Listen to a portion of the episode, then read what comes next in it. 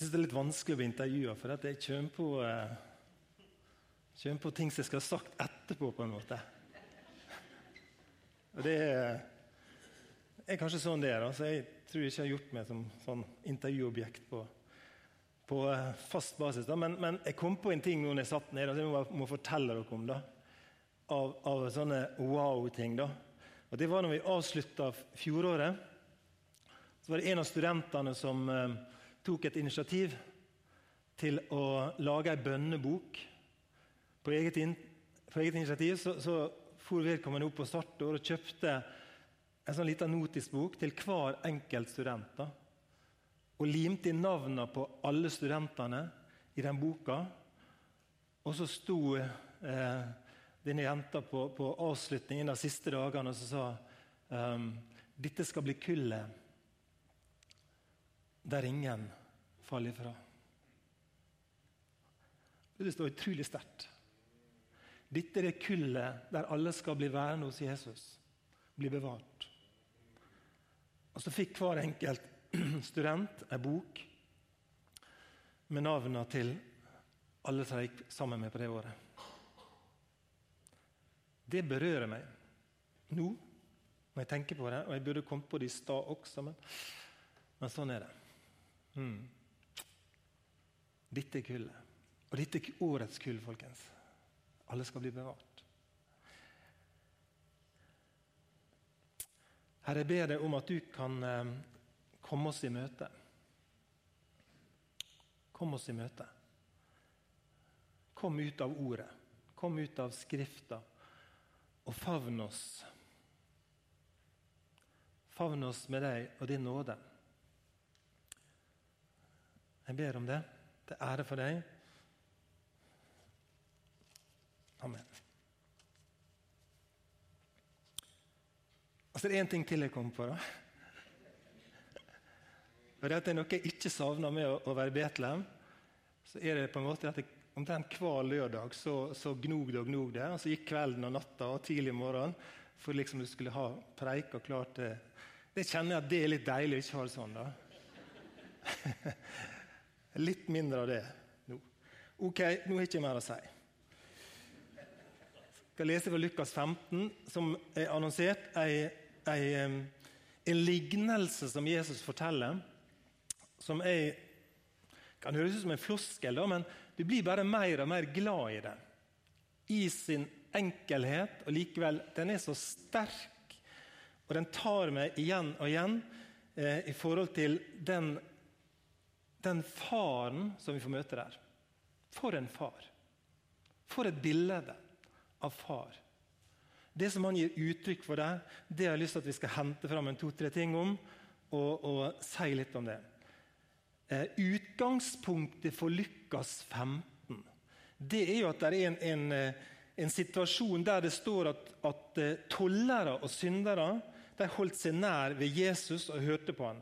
Men står det, det var noen fariseere og skriftlærde som murra. De murra. En sånn murregreie. Eh, og sa seg imellom denne mannen tek imot syndere og et i lag med dem. Altså, Det var noen folk eh, som sto på en måte rundt Jesus, og så så de på Jesus, og så var ikke de fornøyd med at Jesus var sammen med de som ble kalt for syndere, tollere. De som det hadde gått i stykker for, de som strevde med livet sine. De syntes ikke det var greit, og så anklager de Jesus for det. Og Da er det at Jesus bruker den anledninga. Dette er den nære konteksten til Lukas 15. Noen som syns Jesus eh, gjør feil når han bruker tid på syndere og tollere og spiser i lag med dem. Da fortalte han dem denne likninga. Og så kommer det tre forskjellige likninger som sier noe om mennesket, og det sier noe om Gud. Det er en som har sagt det at det vi mennesker, når vi kommer ned på fjellet i livet vårt, ned på grunnfjellet i livet vårt, så sliter vi med to ting. Og Det ene er at vi sliter med sjølbildet, og det andre er at vi sliter med gudsbildet. Det, det er det som er mest strevsomt for oss. Hvem er jeg, og, og hvem definerer meg? Og hvorfor er jeg den jeg tror jeg er og sier jeg er? Eh, og hvem er jeg i forhold til andre? Og hvem er Gud? Hva slags bilde har jeg av Gud? Hvordan er Gud egentlig? Det, det er to spørsmål som mennesker sliter med. Og Gudsbildet, som ofte blir snakket om som farsbilde også, det kan være strevsomt. Sikkert noen av konfirmantene syns dere har en altfor streng far. Er det? Får ikke lov til noen ting, nesten. sant? Um, sette grenser for det, og, og hvor tiden skal få komme inn og hvor tiden skal gå ut. alt det der. Um, og Noen har ulike erfaringer med far og fars bilde. Noen har opplevd sånn som jeg hørte på radioen her i dag. Når jeg kjørte hjem fra skolen, så hørte jeg en Finn Kalvik synge. Da. En gammel sang som dere som er litt eldre, husker. Aldri, aldri ride ranke og vuggesang. Aldri Mikkel Rev og bæ, lille lam. Har dere hørt den sangen? Ja, Det er Finn Kalvik som synger liksom om en far da, som er fraværende, eller har ikke tid, på en måte. Jeg tror at Vi kan bære med oss veldig mange forskjellige sånne farsbilder som gjør det vanskelig, for vi overfører det til Gud. Og så er det Bibelen som skal definere gudsbildet. Så det er Bibelen som skal definere hvem Gud er. Og Lukas 15 sier noe om hvordan Gud er. Hvordan han er som far. Jeg leser. Jesus sa, en mann som hadde to sønner, nå i Lukas 15, 1. Den yngste sa til far sin, 'Far, la meg få den delen av formuen som faller på meg.' Så skifta han eiendommen sin mellom dem. Ikke mange dagene etter solgte den yngste sønnen alt det han eide, og drog til et land langt borte. Der levde han et vilt liv og sløste bort formuen sin. Da han hadde sett alt over styr, ble det uår og svolt i landet, og han tok til å lide naud. Han gikk da til en av mennene der i landet og ba om arbeid. Og Mannen sendte han ut på markene sine for å gjete grisene. Han ønskte bare å få mette seg med de belgfruktene som grisene åt, men ingen gav han noe. Da gikk han i seg sjøl og sa:" Hvor mange leiekarer hjemme hos far min har ikke fulgt opp av mat, og her går jeg og svelter i hjel. Jeg vil bryte opp og gå hjem til far min og si:" Far, jeg har synda mot himmelen og mot deg. Jeg er ikke verd å kalle sønnen din lenger, men la meg få være som en av leiekarene dine. Så brøt han opp og gikk hjem til far sin. Medan han ennå var langt borte, fikk faren se han, og han fikk inderlig medkjensel med han. Han sprang imot han, kasta seg om halsen på han og kysta han. Da sa sønnen, Far, jeg har synda mot himmelen og mot deg. Jeg er ikke verd å kalle sønnen din lenger. Men faren sa til tjenerne, Skund dykk, finn fram de beste klærne og ha dem på han. Og la han få ring på fingeren og sko på føttene. Hent så gjøkalven og slakt han og la oss holde måltid og feire. For denne sønnen min var død og blitt levende. Han var bortkommen og er attfunnen. Og så tok festen og gleda til. Det er ei nydelig fortelling. Ei flott fortelling om en far, syns jeg. Det står litt mer om en eldre bror som var hjemme. Vi skal ikke um, se på det akkurat nå.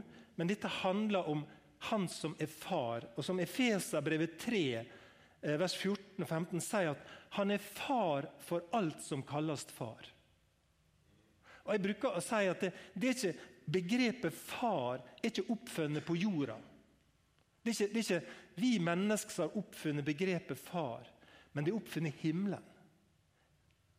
Det er ikke han som skal ligne på oss, men det er vi som skal, skal avspeile og ligne noe av, av Gud som far. Så far, han er far for alt som kalles far, og barn i himmel og på jord. Og I Salme 68 så står det til og med at han er, han er far for de farløse. De som kjenner det. 'Jeg har mista pappaen min.' Av en eller annen grunn.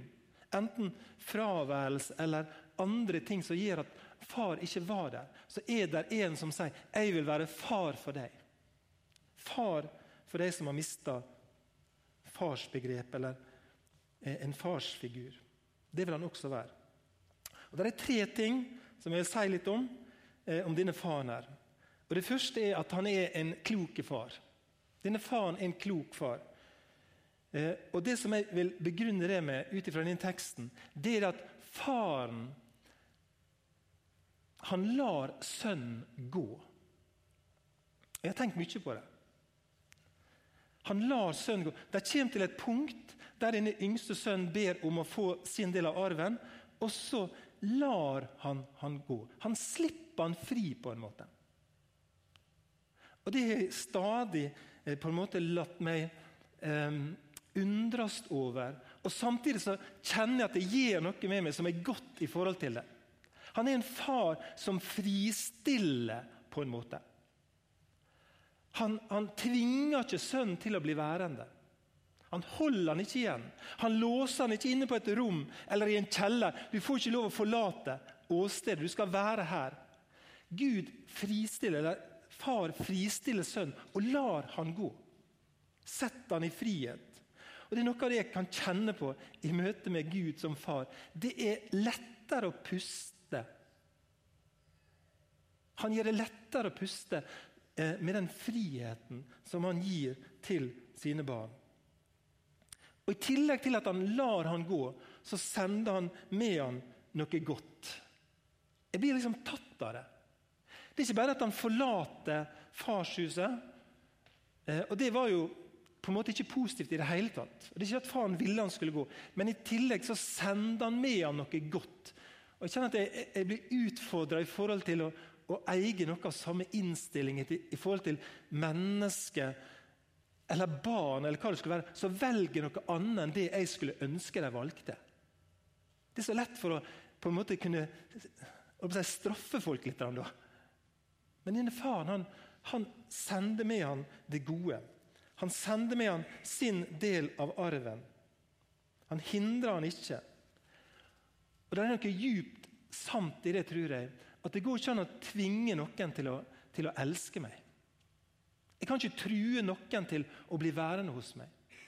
Jeg kan ikke iverksette grep slik at noen vil fortsette å elske og være hos meg i det lange løp. Det går på kort sikt. Og til oss som er foreldre, så vet vi at det er noen grep vi kan bruke inn til et visst tidspunkt. Og så har ikke vi det grepet lenger. Da må de gå.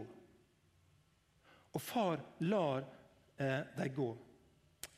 På samme måte som Jesus i Matteus 19 i møte med denne rike unge mannen som, som, som utfordra Jesus hva han skulle gjøre for å arve evig liv. Og når han ble for mye utfordra, så, så sa han det. Dette blir for mye for meg. Dette blir for mye. Og så går han, forlater Jesus, står det. Og Jesus lar han gå. Han senker ikke kravene, men han lar han gå. Slik er Gud, slik er Jesus. Det er ikke at han vil at vi skal gå. Det er ikke at han syns det er greit at vi forlater han. Men den som velger å gå, lar han gå. Og Jeg tror også en sånn far er det lettere å komme tilbake til. Det er lettere å komme tilbake til en som har fristilt meg. Det er det ene om denne faren. En klok, vis, vis far. Det andre er at han er raus og han er nådig. Og Det er jo det som kanskje aller mest tar oss i denne fortellinga. her. Denne rausheten, denne nådige Gud som vi leser om i i dette, i dette kapittelet her, da. Vers 20. Han sprang imot han, kasta seg om halsen på han og kysta han. Det er noe sånn utrolig flott, syns jeg, med denne faren som omfavner gutten sin. Vi leser om han, eh, at han gikk i seg sjøl og sa hvor mange leiekarer hjemme hos far min har ikke fylt opp av mat, og her går jeg og svelter i. Jeg vil bryte opp og gå hjem til far og si, 'Far, jeg har synda mot himmelen og mot deg.' Og det var helt sant.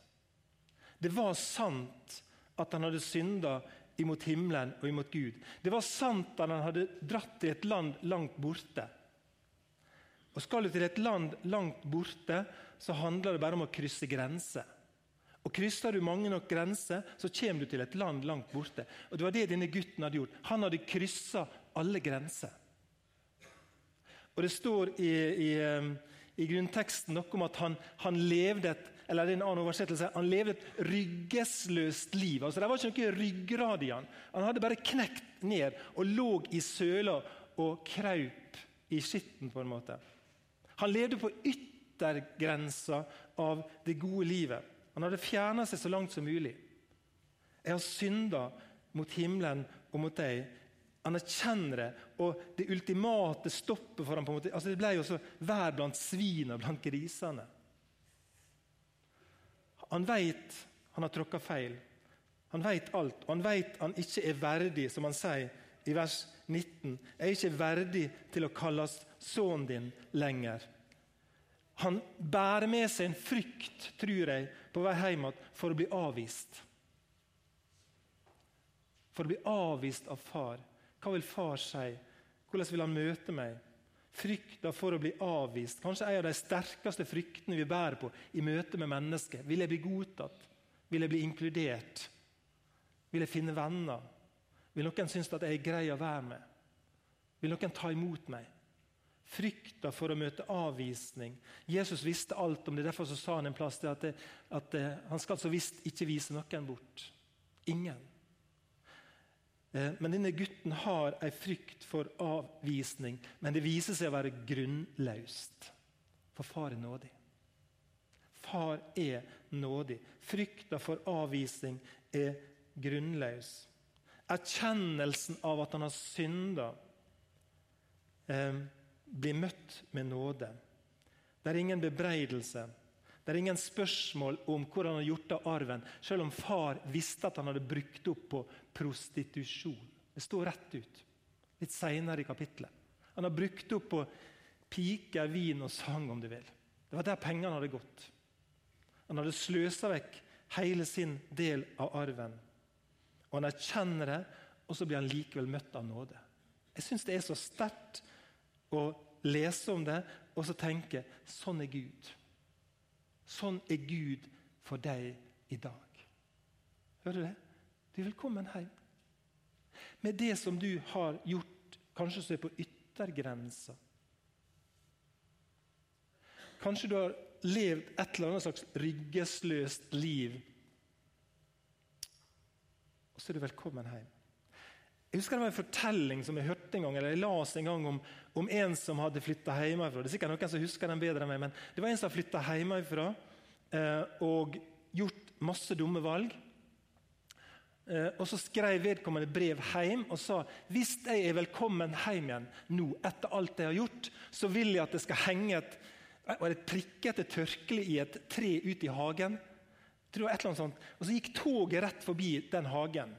Slik at når vedkommende kom hjem og suste forbi hagen, så så den det treet. Og hvis der henger et, et sånt eh, tørkle som er prikket, eller et eller annet, var i hvert fall et tegn på det, da vet jeg at da er jeg velkommen hjem.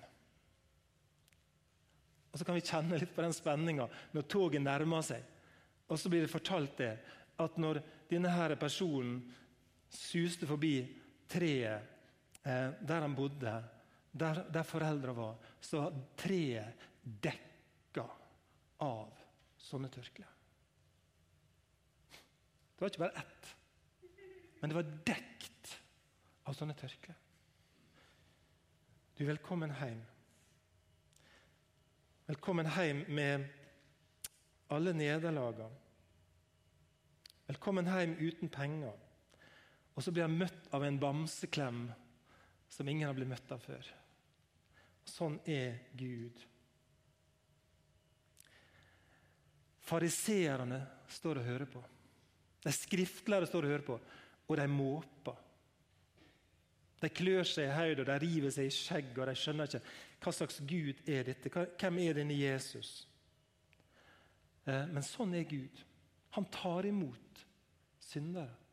Han tar imot de det har gått galt for. Og Når han sier det, 'jeg er ikke verdig til å kalles sønn', så er jo det helt rett. Han er jo ikke det. Og jeg kan spørre, Hvem er verdig til å kalles Guds barn? Det er Ingen av oss er det. Det er ingenting du kan gjøre som gjør deg mer verdig. Det er ingenting du kan gjøre som gjør deg mindre verdig til å bli tatt imot av Gud. For Gud tar imot oss slik som vi kommer til Han. Og så er det en som heter Timothy Keller. Som jeg, jeg, jeg, jeg, så en, en, en, en tale av han, Tim Keller, som sa noe som jeg har sitert før, både her og andre plasser. Men han sa noe som jeg syns er så utrolig vakkert. Og det er så oppbyggelig. Jeg blir så glad av å tenke på det. fordi at jeg, Når denne her gutten kommer hjem, så sa han Tim Keller en gang da, så blir han ønska velkommen hjem på bekostning av en annen. For nå er det jo strengt tatt den eldste sønnen som sitter på resten av arven. er ikke det det? Den yngste har jo fått sitt, og den eldste sitter egentlig på resten av arven.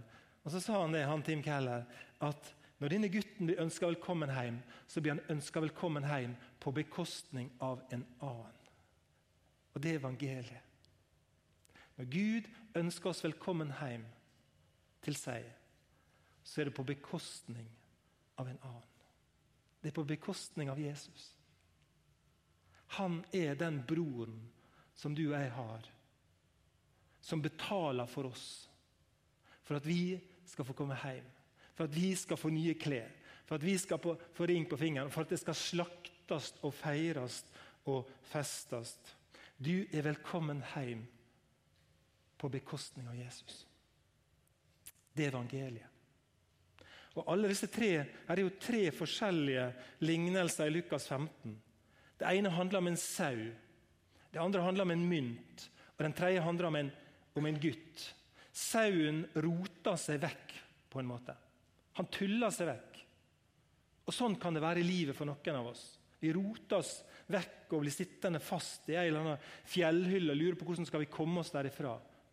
Uh, mynten falt ifra Sånn kan det være for noen. En kan gi noen valg som gjør det sånn at jeg, jeg kommer aldri tilbake til Jesus. Denne sønnen han valgte å gå, helt bevisst, og noen velger det. Men når sauen blir funnet, og når mynten blir funnet, og når sønnen vender tilbake, da blir det feiring. Da er det fest. Da er det glede. Og Det stikker sikkert ekstra når, når Jesus sier noe, noe, om det i, i Lukas 15. Det stikker nok for fariseerne. Det tredje som jeg har lyst til å si noe til slutt om i denne beretninga om denne faren, eh, som er på en måte nådens gåte, denne teksten her. På mange måter er det det. Eh, han er en klok far. Han er en nådig far, og han er en tydelig far. Han er veldig tydelig. For denne sønnen min, sier han i vers 24, var død og ble levende.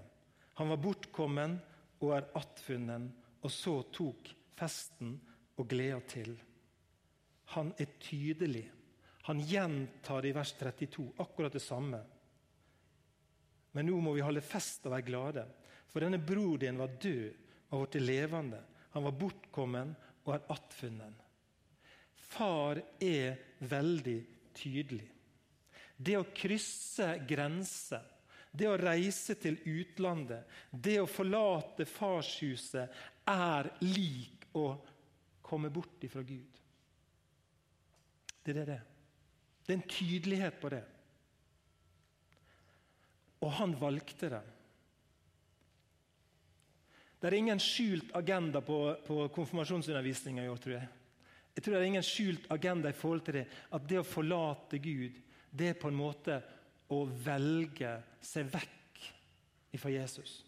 Jeg tror jeg vil jobbe og undervise og forkynne om å bli værende hos Jesus. Bli værende hos Gud. For hvis du forlater, hvis du går bort, så sier denne faren her det er synonymt med å dø. Det er synonymt med å dø. Det å komme bort.